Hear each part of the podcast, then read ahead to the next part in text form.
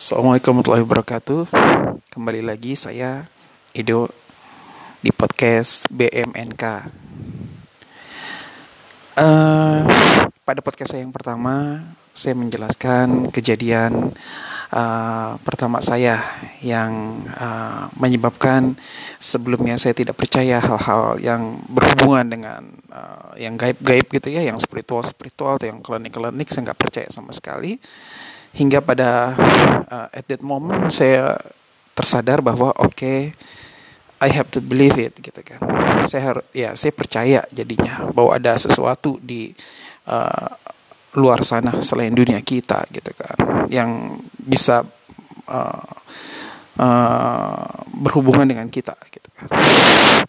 Pada podcast yang pertama juga saya menjelaskan mengenai uh, uh, awalan-awalan saya uh, dari kecil memiliki pengalaman-pengalaman uh, spiritual uh, juga uh, saya berjanji untuk uh, coba menjelaskan mengenai pengalaman-pengalaman saya dan keluarga saya sehubungan dengan hal-hal gaib. Oke, pertama-tama saya mau menjelaskan dulu nih kenapa saya menamakan BMNK Journey perjalanan BMNK. BMNK di sini saya mengartikan being Muslim, not klinik. Ya, seperti kita tahu ya, banyak sekali uh, hal-hal uh, klinik di uh, sekitar kita ya, di Indonesia uh, begitu mendominasi, uh, begitu menjadi sesuatu yang uh, bukannya tabu ya. Ada sebagian orang berpikir itu hal tabu untuk dibicarakan. Ada juga uh, beberapa golongan orang menjadikan hal-hal yang klinik itu menjadi sesuatu yang sangat enak untuk dibicarakan, untuk dipelajari, uh, untuk dikomunikasikan. Uh, uh, padahal sesungguhnya uh, hal-hal ini hal-hal yang berbau gaib, bau klinik ini sangat tipis sekali. Uh, garisnya dengan uh, uh, keimanan. Artinya once kita sudah salah arah uh, sehubungan dengan masalah gaib, masalah klinik, keimanan kita akan bisa menjadi cacat. Sebagaimana kita ketahui, uh, kita sebagai seorang muslim uh, jika keimanan kita cacat, ya, jika kita mempercayai sesuatu yang uh, melebihi kekuatan dari Allah, uh, ketika kita meminta sesuatu yang bukan meminta kepada Allah itu jauh itu akan menjadi sesuatu yang musyrik dan kita tahu sekali bahwa dosa yang paling utama yang Allah tidak akan maafkan adalah uh, musyrik menduakan Allah gitu kan. Insya Allah di podcast ini saya akan menjelaskan mengenai uh, perjalanan uh, spiritual, pengalaman gaib saya yang berhubungan dengan klinik, uh, yang uh, di situ di pengalaman itu saya sangat berjuang untuk bisa tetap mempertahankan, menjaga uh, akidah saya. Semoga podcast saya ini bisa bermanfaat, ada bisa menginspirasi teman-teman yang memang memiliki pengalaman serupa untuk hati-hati gitu kan. Hal-hal klinik itu bukan sesuatu yang uh, layak untuk dibicarakan secara umum gitu kan. Uh, kenapa? Karena hal-hal klinik, hal-hal gaib itu sesuatu yang masih banyak yang belum jelas, belum clear. Di situ banyak permainan tipu muslihat, uh, kebohongan gitu ya, yang bisa dikatakan dan bisa dilakukan oleh jin gitu kan uh, yang bisa menyimpangkan kita kepada yang bisa menyimpangkan kita dari jalan Allah gitu loh. Semoga pengalaman saya bisa menginspirasi bahwa jikapun kita terpaksa uh, berurusan atau menghadapi hal-hal gaib atau hal-hal spiritual, uh, kita harus tetap meyakinkan, mengazamkan, me, me, meyakinkan dengan maksimal bahwa hanya Allah yang layak kita sembah, hanya Allah yang layak kita minta pertolongan, hanya Allah uh, kepada nyalah kita hanya bis hanya mohon dan meminta. Oke, okay, uh, itu prolog dari saya kenapa saya namakan BMNK, gitu kan. Ya, oke okay, guys, uh, di podcast saya kedua ini saya mau lebih menjelaskan mengenai masa kecil saya gitu kan uh, pengalaman saya uh, ketika masih kecil usia sekitar uh, S, S, SD SD ya SD saya lupa tepatnya berapa usia saya itu. Tapi saya yakin itu saya masih SD ketika saya pindah rumah ya dari rumah uh, tempat uh, nenek kakek saya uh, di Jakarta Barat. Harus uh, ya masih ke Jakarta Barat juga sih pindahnya gitu kan ya pengalaman pertama kali pindah ke rumah baru gitu kan.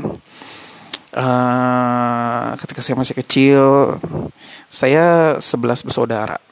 Alhamdulillah sehat-sehat semua gitu kan. Uh, ketika pindah ke rumah baru um,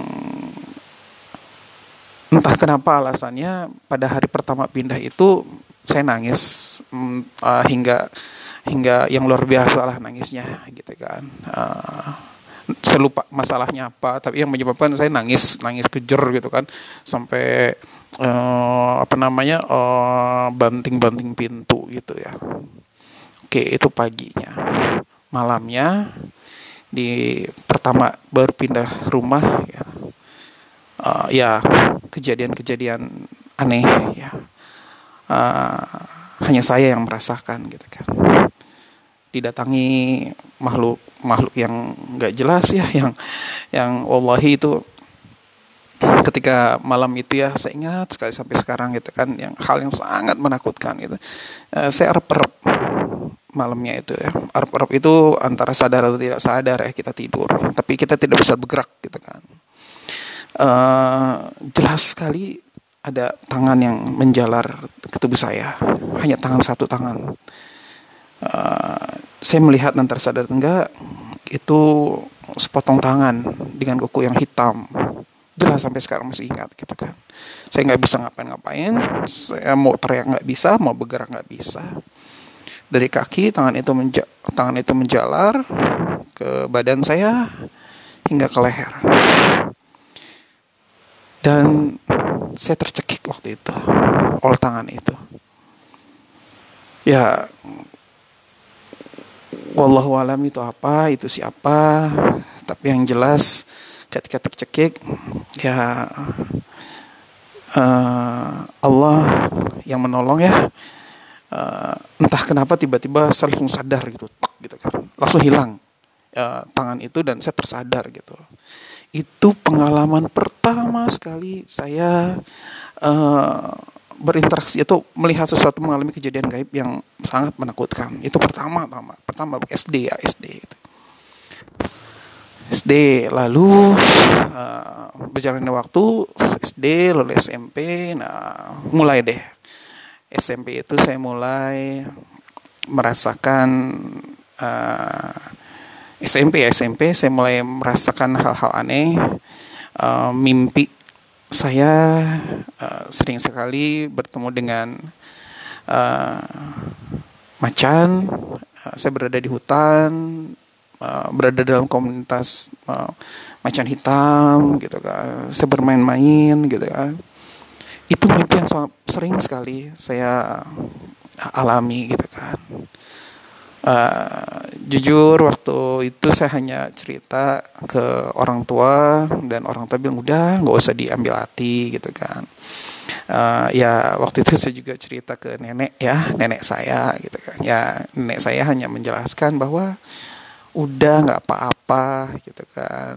Engkong kamu uh, punya banyak macan jadi biarin aja gitu. Mungkin mau ngeliatin aja gitu kan. Oh ya udah nek gitu kan. Ya udah uh, saya ignore lah hal-hal seperti itu gitu kan. Uh, di selanjutnya saya masuk SMA hal yang lebih aneh lagi terjadi gitu kan. Mimpi-mimpi itu nggak cuma macan yang datang gitu kan uh, saya ingat sekali sosok yang pernah suatu mimpi suatu hari saya mimpi ada seorang wanita dengan uh, apa ya pakaian putih-putih gitu ya. Dia memberikan sebuah mata sama saya gitu kan. mata ya. Lalu saya ambillah mata itu gitu di dalam mimpi itu. Nah besoknya tiba-tiba ketika teman saya ya ada ngomong sesuatu uh, pengalamannya gitu kan. Saya langsung langsung uh, refleks langsung ngomong gitu kan. Uh, ketika dia bilang eh gue habis dari sini loh karena lalu tiba-tiba saya bilang oh lu ya lu gini ya lu tuh ketemu gini gini gini gini gini lu tuh gini gini kan? Nah, teman saya kagum kaget gitu lu kenapa sih lu kenapa sih dok? Gitu ya. Lu kok tahu sih? Gitu kan. Lu ngeliat ya gitu. Lu ngeliat kejadian itu uh, lu ada di mana waktu itu enggak gue gak ngeliat. Gue cuma ngeliat kok gue ada bayangan nih bahwa lu tuh kayak gini gini gini gitu loh. Anjir wah waktu itu teman saya kaget kan dan, dan ya lambat laun mulai rame gitu kan dan mulai banyak yang nanya sama saya. Ya ya itu itu SMA ketika saya belum ngerti mengenai agama. Ya saya belum belum inilah saya belum pelajari uh, Islam secara utuh gitu kan oke okay, masih bermain-main dengan hal yang sangat berbahaya itu gitu kan. Hingga uh, selepas SMA saya uh, dapat kerja. Alhamdulillah dapat kerja. Nah, di tempat kerja saya yang memang alhamdulillah uh, Allah berikan tempat kerja yang baik yang uh, banyak sekali kegiatan agama hingga saya uh, fokus di ngaji ya dan alhamdulillah saya sadar bahwa hal-hal seperti yang pernah saya lakukan itu, itu salah semuanya. Ya udah saya lupakan itu semua dan udah fokus di pengajian mempelajari agama gitu kan. Udah. Uh, itu uh, pengalaman awalan saya. Uh, hingga uh, suatu hari seperti saya jelaskan di podcast saya uh, saya kena teluh. Ya. Hingga di setelah kena teluh itu um, yang sebelum sebelumnya uh, dari SMA kerja uh, aktif di pengajian sekitar empat tahun lah ya saya kerja gitu ya. Empat atau lima tahun ya saya kerja gitu kan. Baru saya uh, kembali uh, mengalami hal uh, uh, yang harus saya berinteraksi dengan hal-hal gaib seperti itu gitu kan. Uh, ke ya diteluh itu ya diteluh itu. Pertama yang menyebabkan mulainya mulai berdatangan makhluk-makhluk yang saya nggak ngerti dari mana. Setelah diteluh kena teluh itu saya mulai bisa merasakan kehadiran sosok-sosok lain mulai melihat sosok-sosok lain dan mulai mendengar sosok-sosok lain yang bukan manusia. Itu awalan pengalaman saya, katakan. Uh, banyak yang bilang it's a gift. Uh, indra keenam adalah anugerah, katakan. Uh, bagi saya bukan. Itu ujian yang sangat berat yang Allah berikan kepada hambanya yang dipilih untuk bisa mempertahankan akidahnya. Karena di situ terletak dua jalan, gitu. jalan menuju kesesatan dan jalan menuju tetap istiqomah di jalan Allah. Selama berinteraksi, ya dimulainya proses uh, ya setelah kena flu itu banyak sekali hal-hal gaib-gaib yang saya alami dan yang akan saya akan jelaskan uh, ke depannya.